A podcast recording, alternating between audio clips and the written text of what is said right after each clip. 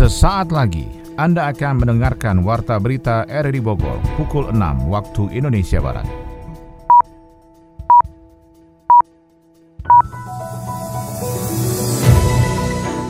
Selamat pagi, salam jumpa. Kami hadir kembali dalam Warta Berita edisi hari ini, Kamis 3 Maret 2022. Informasi ini juga turut disiarkan melalui audio streaming lewat RRD Play dan juga disiarkan lewat Radio Tegak Beriman Kabupaten Bogor, Jawa Barat dan Anda bisa akses di Spotify RRD Bogor. Berita utama hari ini adalah Hari Raya Nyepi Tahun Baru Saka 1944 momentum menuju Indonesia maju dengan memperkuat persatuan dan kesatuan antar umat beragama. Peringatan Hari Raya Nyepi ini tentunya meningkatkan peran serta umat beragama dalam penguatan toleransi, kerukunan, serta persatuan.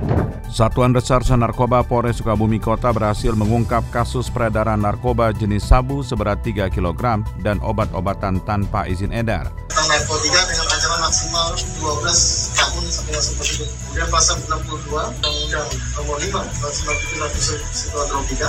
Komite Pemantau Legislatif Kopel Indonesia mengakui pelaksanaan kegiatan Bogor Tourism Mart and Expo atau BTME 2020 di Batam senilai 513 juta yang jadi temuan Badan Pemeriksa Keuangan. Saya Maulana Isnarto, inilah Warta Berita selengkapnya.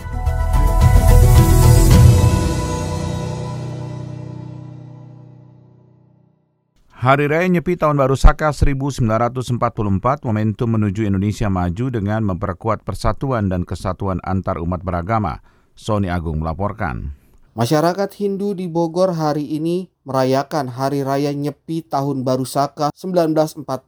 Ketua Parisarda Hindu Dharma Indonesia PHDI Kota Bogor Wayan Swastika menjelaskan, tahun ini menurutnya merupakan tahun tantangan karena COVID-19 sepertinya agak enggan pergi jauh dari bumi yang kita cintai ini. Perayaan Hari Nyepi Tahun Baru Saka di Kota Bogor mengusung tema aktualisasi nilai tata lamasi dalam moderasi beragama menuju Indonesia maju. Pada tahun 2022 ini, umat Hindu Indonesia dan terutama di Kota Bogor merayakan Hari Raya Nyepi Tahun Baru Saka 1944 dengan tema yang diusung adalah aktualisasi nilai masih dalam moderasi beragama menuju Indonesia tangguh. Tema ini sangat relevan saya kira dengan kondisi kita saat ini. Umat Hindu di Kota Bogor melaksanakan yang disebut dengan catur berata penyepian Umat Hindu dalam hari raya Nyepi ini melaksanakan catur berata penyepian yaitu pertama amati karya artinya istirahat sehari dari rutinitas kerja. Kedua adalah amati geni artinya berusaha mengendalikan diri dari aktivitas di dapur. Ketiga amati lelangwan yaitu mengendalikan diri dari keinginan yang selama ini muncul di dalam hati. Dalam artian mengendalikan emosi dan hawa nafsu. Dan yang keempat adalah amati lelangwan yaitu menahan diri untuk tidak bepergian terutama yang jauh. Sementara itu Ketua Forum Kerukunan Umat Beragama Bogor Hasbuloh menilai perayaan Nyepi Tahun Baru Saka 1944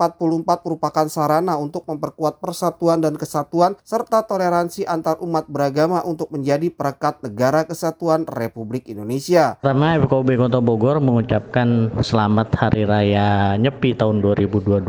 Semoga dengan peringatan Hari Raya Nyepi ini tentunya meningkatkan peran serta umat beragama dalam penguatan toleransi, kerukunan, serta persatuan masyarakat Indonesia dalam menjaga kedamaian dan juga menjaga keutuhan bangsa. Kemudian juga mudah-mudahan umat beragama lebih banyak memberikan peran dalam menyelesaikan persoalan-persoalan bangsa baik dari sisi spiritualitas maupun dari sisi sosial kemasyarakatan. Selama proses nyepi pihaknya menghormati dan menghargai semua rangkaian hari besar agama Hindu sebagai nilai yang universal dalam kehidupan berbangsa, beragama dan berbudaya di Indonesia. Satuan Reserse Narkoba Polres Sukabumi Kota berhasil mengungkap kasus peredaran narkoba jenis sabu seberat 3 kg dan obat-obatan tanpa izin edar. Adi Fajar melaporkan.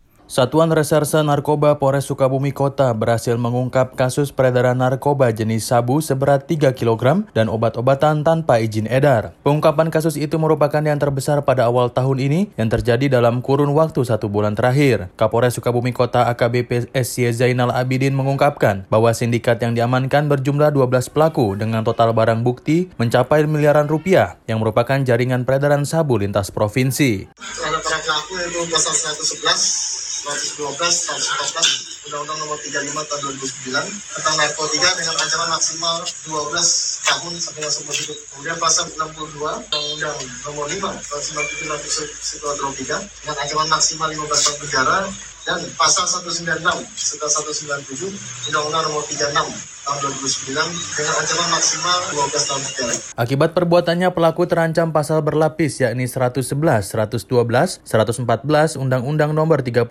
tahun 2009 tentang narkotika dengan ancaman penjara maksimal 12 tahun sampai dengan seumur hidup. Nominal rupiahnya kurang lebih 4 miliar rupiah. Kemudian dari barang bukti yang diamankan ini, kemudian kita hitung, ada kata ini bisa kemudian bisa pernah beredar di lapangan, maka kemudian kita sudah bisa menyelamatkan kurang lebih 10 ribu orang. Selain sabu seberat 3 kg, Polresta Sukabumi mengamankan barang bukti berupa obat berbahaya, kurang lebih 369 butir tramadol, 4088 butir heximer, 560 butir dextro, 650 butir trihex, dan 6 butir riklona. Dari pengungkapan tersebut, sekitar 10.000 orang terselamatkan dari potensi penggunaan narkoba. Ditlantas Polres Jabar siap membantu Satlantas Polres Bogor mengantisipasi kemacetan arus lalu lintas di jalur puncak Bogor pada libur panjang akhir pekan ini. Kita ikuti laporan Yofri Haryadi. Mengantisipasi terjadinya lonjakan dan gempuran wisatawan pada libur panjang akhir pekan ini, Ditlantas Polda Jabar siap mengerahkan personelnya untuk membantu Satlantas Polres Bogor mengantisipasi kemacetan panjang arus lalu lintas di jalur puncak Bogor. Bahkan jika memungkinkan, penerapan ganjil genap juga akan diterapkan pada pengguna roda 2 yang masuk ke kawasan puncak. Hal tersebut diungkapkan Kapolda Jabar Inspektur Jenderal Polisi Suntana kepada wartawan menghadapi kemacetan panjang pada libur akhir pekan sebelumnya di jalur puncak Bogor. Selain menambah jumlah personel dengan menempatkan petugas di setiap 300 meter di jalur itu, serta memeriksa kondisi kelaikan jalan kendaraan bagi pengguna yang masuk ke jalur puncak Bogor. Irjen Pol Suntana menjelaskan, pada saat terjadi macet panjang pada 25 Februari lalu, penyebab utamanya kendaraan mogok dan terjadi antrian panjang. Sebenarnya program SOP sudah kita laksanakan ya. Call center kita sudah ada kok, jalur kita sudah dibuka gitu kan. Dan polisi berada di lapangan loh di titik jalur. Saya kan pernah jadi Kapolres di sini ya, saya sedang juga melaksanakan pola seperti ini yang sekarang juga dilaksanakan. Kejadian yang kemarin memang dikarenakan ada 8 sampai 10 kendaraan yang memang dia mogok di jalan. Tapi saya rasa Polres Bogor beserta instansi terkait melaksanakan tindakan yang sangat cepat ya. Sebanyak rekan-rekan yang menggunakan roda dua bersifat rombongan ya kadang-kadang suka mengindahkan aturan hmm. atau ketertiban dan keteraturan lintas. Kita ini akan melakukan sosialisasi bahkan nanti sampai edukasi dan kalau perlu melakukan tindakan kepada perilaku-perilaku pengendara motor yang selalu berjalan berombongan yang suka mengganggu dan mengambil hak ganjil genap untuk sepeda motor Pak. Sepeda motor. Kemungkinan itu akan kita lakukan. Antrian panjang itu pun sudah diantisipasi dan menjadi bagian dari evaluasi untuk penanganan kemacetan di jalur puncak Bogor berikutnya. Ruas jalan yang terbatas serta membludaknya kendaraan roda 2 hingga 80 ribu kendaraan dan memakan badan jalan sulit untuk dikendalikan. Kapolres Bogor AKBP Iman Imanuddin menambahkan pihaknya juga berkoordinasi dengan pemilik restoran dan wahana wisata untuk memberitahukan berapa jumlah volume pengunjung yang masuk yang akan disinkronkan dengan metode penguraian oleh petugas di lapangan, salah satunya dengan penerapan jalur satu arah atau kontraflow di titik macet di lokasi tersebut. Kami melakukan himbauan juga ke masyarakat, kemudian sepanjang jalur juga kami tempatkan personil Polres Bogor. Jadi untuk membantu eh, kelancaran arus bagi masyarakat yang mengarah ke puncak, kita tempatkan personil sepanjang jalur puncak. Kemudian kami juga berkoordinasi dengan hotel, restoran dari PHRI untuk menghitung volume orang dan kendaraan yang keluar masuk ke arah puncak. Sehingga kami bisa melakukan langkah-langkah yang tepat sesuai dengan situasi dan kondisi di lapangan. Polres Bogor tengah melakukan sosialisasi kepada masyarakat di Cisarua dan Megamendung rencana penerapan jalur satu arah secara situasional. Dengan cara tersebut, masyarakat pada libur panjang akhir pekan kali ini siap untuk mengantisipasi aktivitasnya agar tidak terjebak kemacetan. Guys, hari ini aku mau ngeracunin kamu lagi nih sama tas yang cantik banget. Uniknya lagi, tas ini dibuat dari anyaman tanaman eceng gondok yang udah dikeringin. Ditambah manik-manik. Tuh, cantik banget kan? Cocok banget buat dipakai ke undangan mantan. Buruan dibeli, linknya ada di bawah ini ya. Duh, semangat banget sih kak jualannya. Iya dong, bukan cuma semangat doang dek, tapi bangga juga. Bangga kenapa coba? Bangga dong, nih lihat tasnya. Cantik kan? Buatan Indonesia lagi. Terus nih lihat, yang pesen ke kakak dari luar negeri.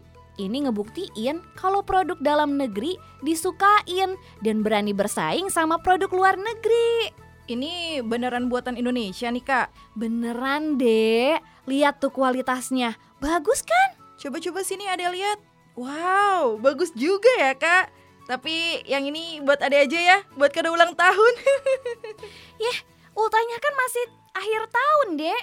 Gak apa-apa, ade bawa ke kamar ya. Makasih kak. Ya.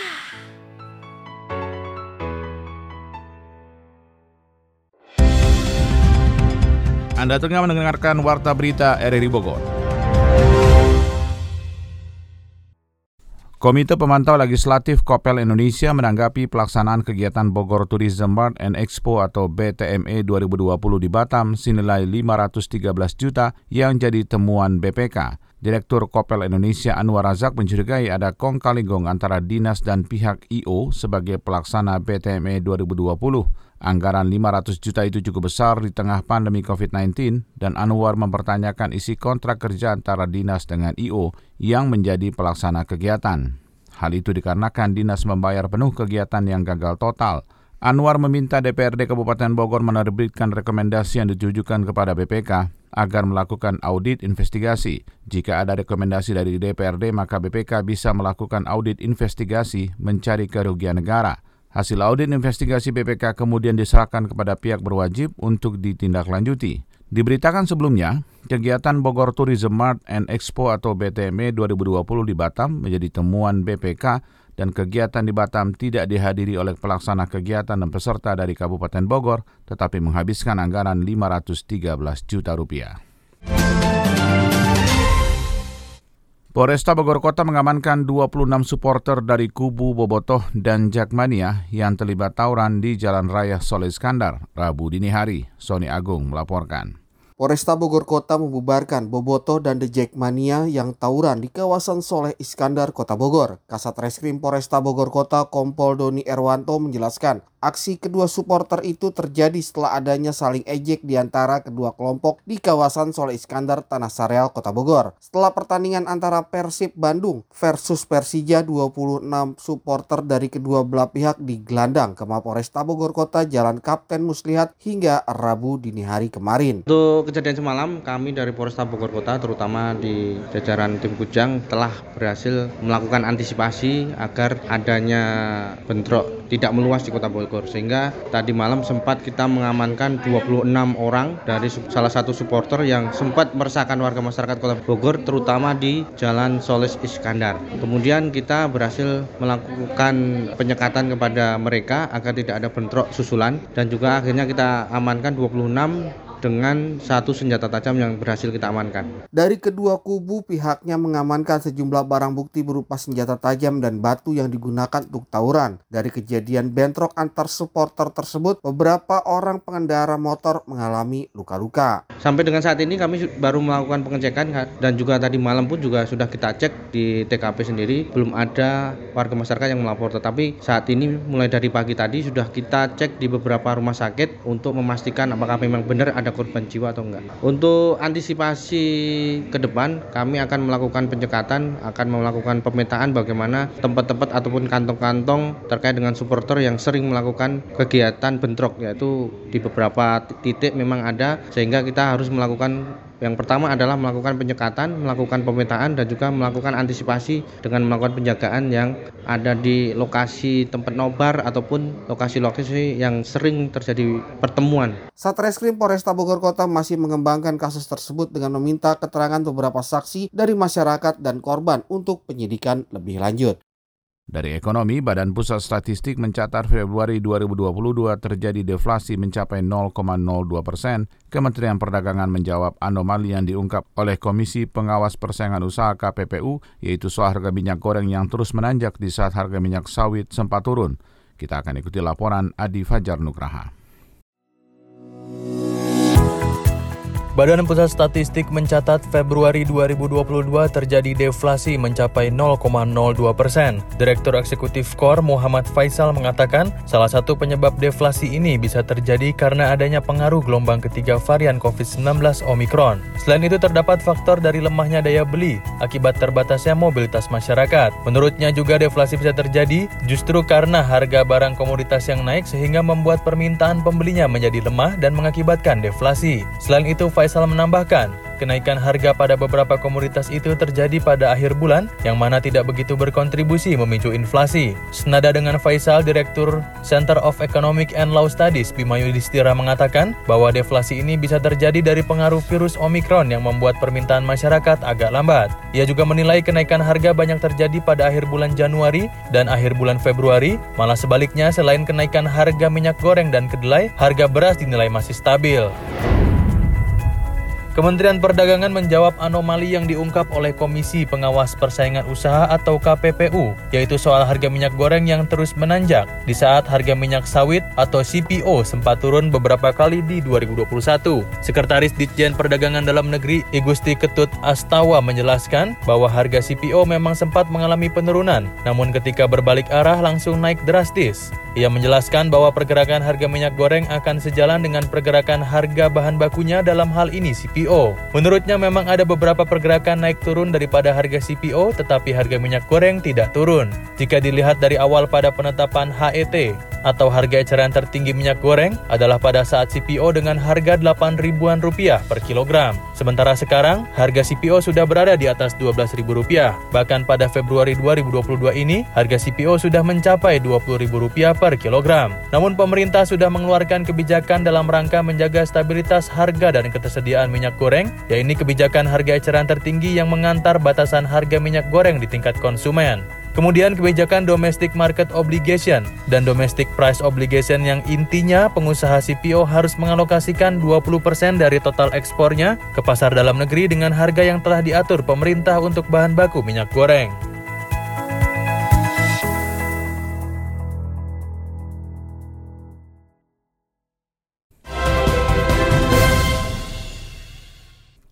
Pasukan Rusia dan pemberontak pro-Moskow telah bergabung di wilayah penting di sepanjang pantai Laut Azov di Ukraina Timur. Hal itu disampaikan juru bicara Kementerian Pertahanan Rusia Igor Konashenkov.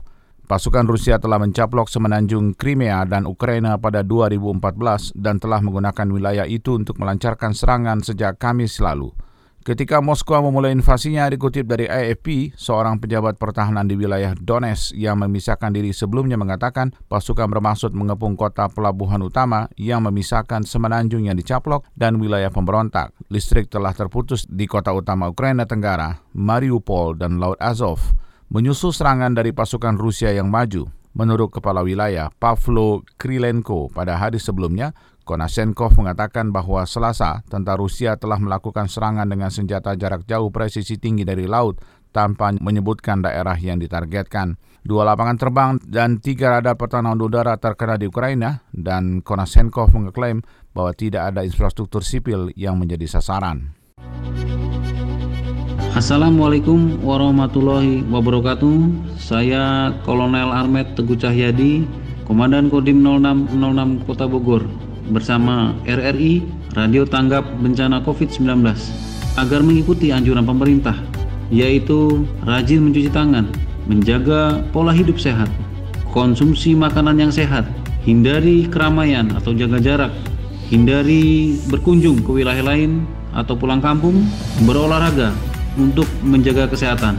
Mari kita berdoa kepada Tuhan Yang Maha Esa agar kita dapat menanggulangi COVID-19 ini sehingga kita dapat beraktivitas seperti sedia kala. Terima kasih. Wassalamualaikum warahmatullahi wabarakatuh.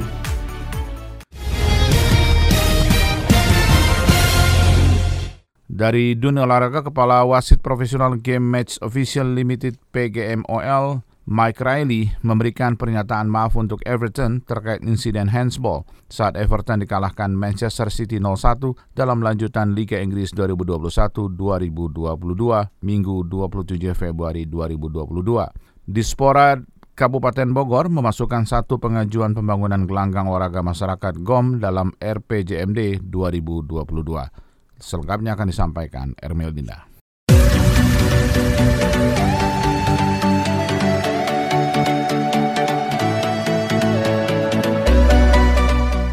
Wasit Professional Game Match Official Limited Mike Riley memberikan pernyataan maaf untuk Everton terkait insiden handsball pemain Manchester City Rodri. Wasit 57 tahun tersebut dikabarkan sudah meminta maaf secara langsung kepada pihak Everton. Insiden konyol tersebut terjadi saat Everton dikalahkan Manchester City 0-1 dalam lanjutan Liga Inggris 2021-2022 Minggu 27 Februari lalu. Satu-satunya gol dalam pertandingan tersebut dicetak oleh Phil Foden pada menit ke-82.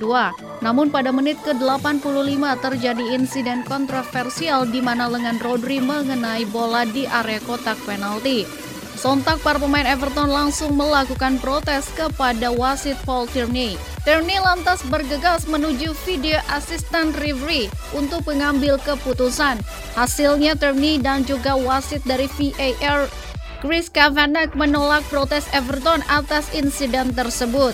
Keputusan kontroversial tersebut menjadi buah bibir para penggemar sepak bola hingga para pengamat. Pasalnya lengan Rodri terlihat jelas mengenai bola untuk mengontrolnya. Namun baru-baru ini laporan dari Manchester Evening News mengabarkan bahwa Riley sudah meminta maaf kepada pelatih Everton, Frank Lampard dan juga bos Everton yaitu Bill Kenwright. Namun demikian permintaan maaf tersebut tidak bisa mengubah hasil akhir pertandingan. Dinas Pemuda dan Olahraga Dispora Kabupaten Bogor memasukkan satu pengajuan pembangunan gelanggang olahraga masyarakat atau GOM pada tahun 2023. Rencana pembangunan GOM tersebut juga telah dimasukkan dalam rancangan pembangunan jangka menengah daerah atau RPJMD tahun 2022. Kadispora Kabupaten Bogor Asnan mengatakan hanya ada satu GOM yang akan dikerjakan di tahun 2023, namun ia belum bisa memastikan untuk kecamatan mana GOM tersebut tersebut direalisasikan. Sementara itu Bupati Bogor Adi Elsin mengatakan pembangunan GOM yang digagas pemerintah Kabupaten Bogor diharapkan bisa memberikan manfaat pada pengembangan aktivitas warga dan bagi masyarakat yang ingin menggunakan gelanggang olahraga mini tersebut nantinya tidak akan dipungut biaya. Ada beberapa usulan prioritas yang kita apa namanya untuk kita laksanakan di tahun 2023. Hmm. Salah satunya adalah untuk penuntasan program Pancakarsa dan RPJMD. Hmm. Salah satunya adalah membangun kemudian beasiswa Pancakarsa tadi dan banyak usulan-usulan yang sudah masuk ke SPD yang menjadi hmm. kewenangan di sekolah dari kecamatan. Kita untuk 2023 satu karena penuntasan target di RPJMD kita kurang satu mudah-mudahan kalau terlihat anggaran kecamatan mana bisa yang tambah ya Pak bisa. Kegiatannya di tahun 2021 hmm. kemarin, tapi untuk dilanjutkan di tahun 2023. Hmm. Ini lanjutan gitu. Karena kan kemarin di tahun kemarin ada sedikit.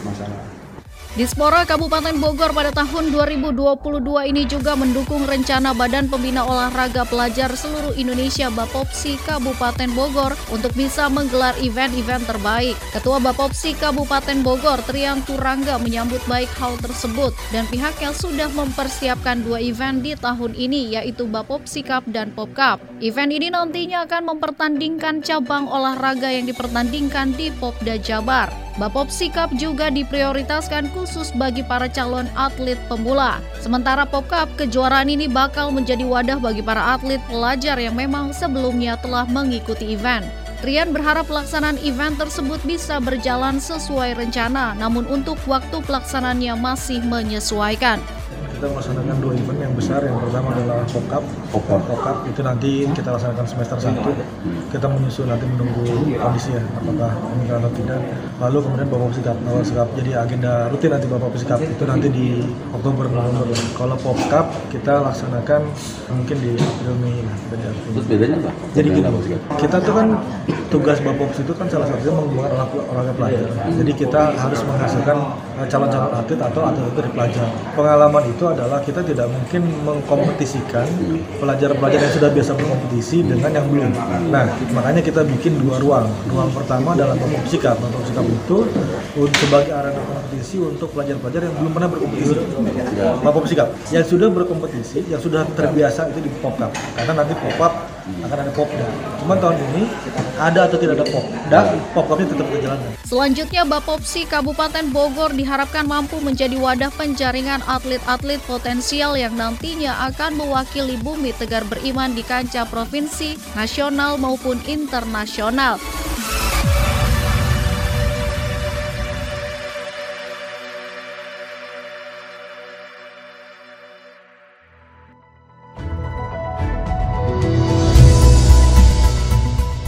Demikian rangkaian informasi dalam Warta Berita di edisi hari ini. Sebelum berpisah kami sampaikan berita utama. Hari Raya Nyepi Tahun Baru Saka 1944 momentum menuju Indonesia maju dengan memperkuat persatuan dan kesatuan antar umat beragama.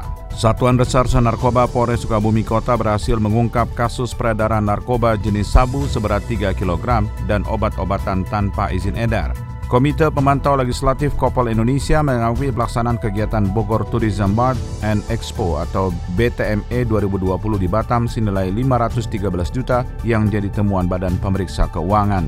Saya Maulana Isnarto, mewakili kerabat kerja yang bertugas hari ini terima kasih atas perhatian Anda. Selamat pagi, sampai jumpa.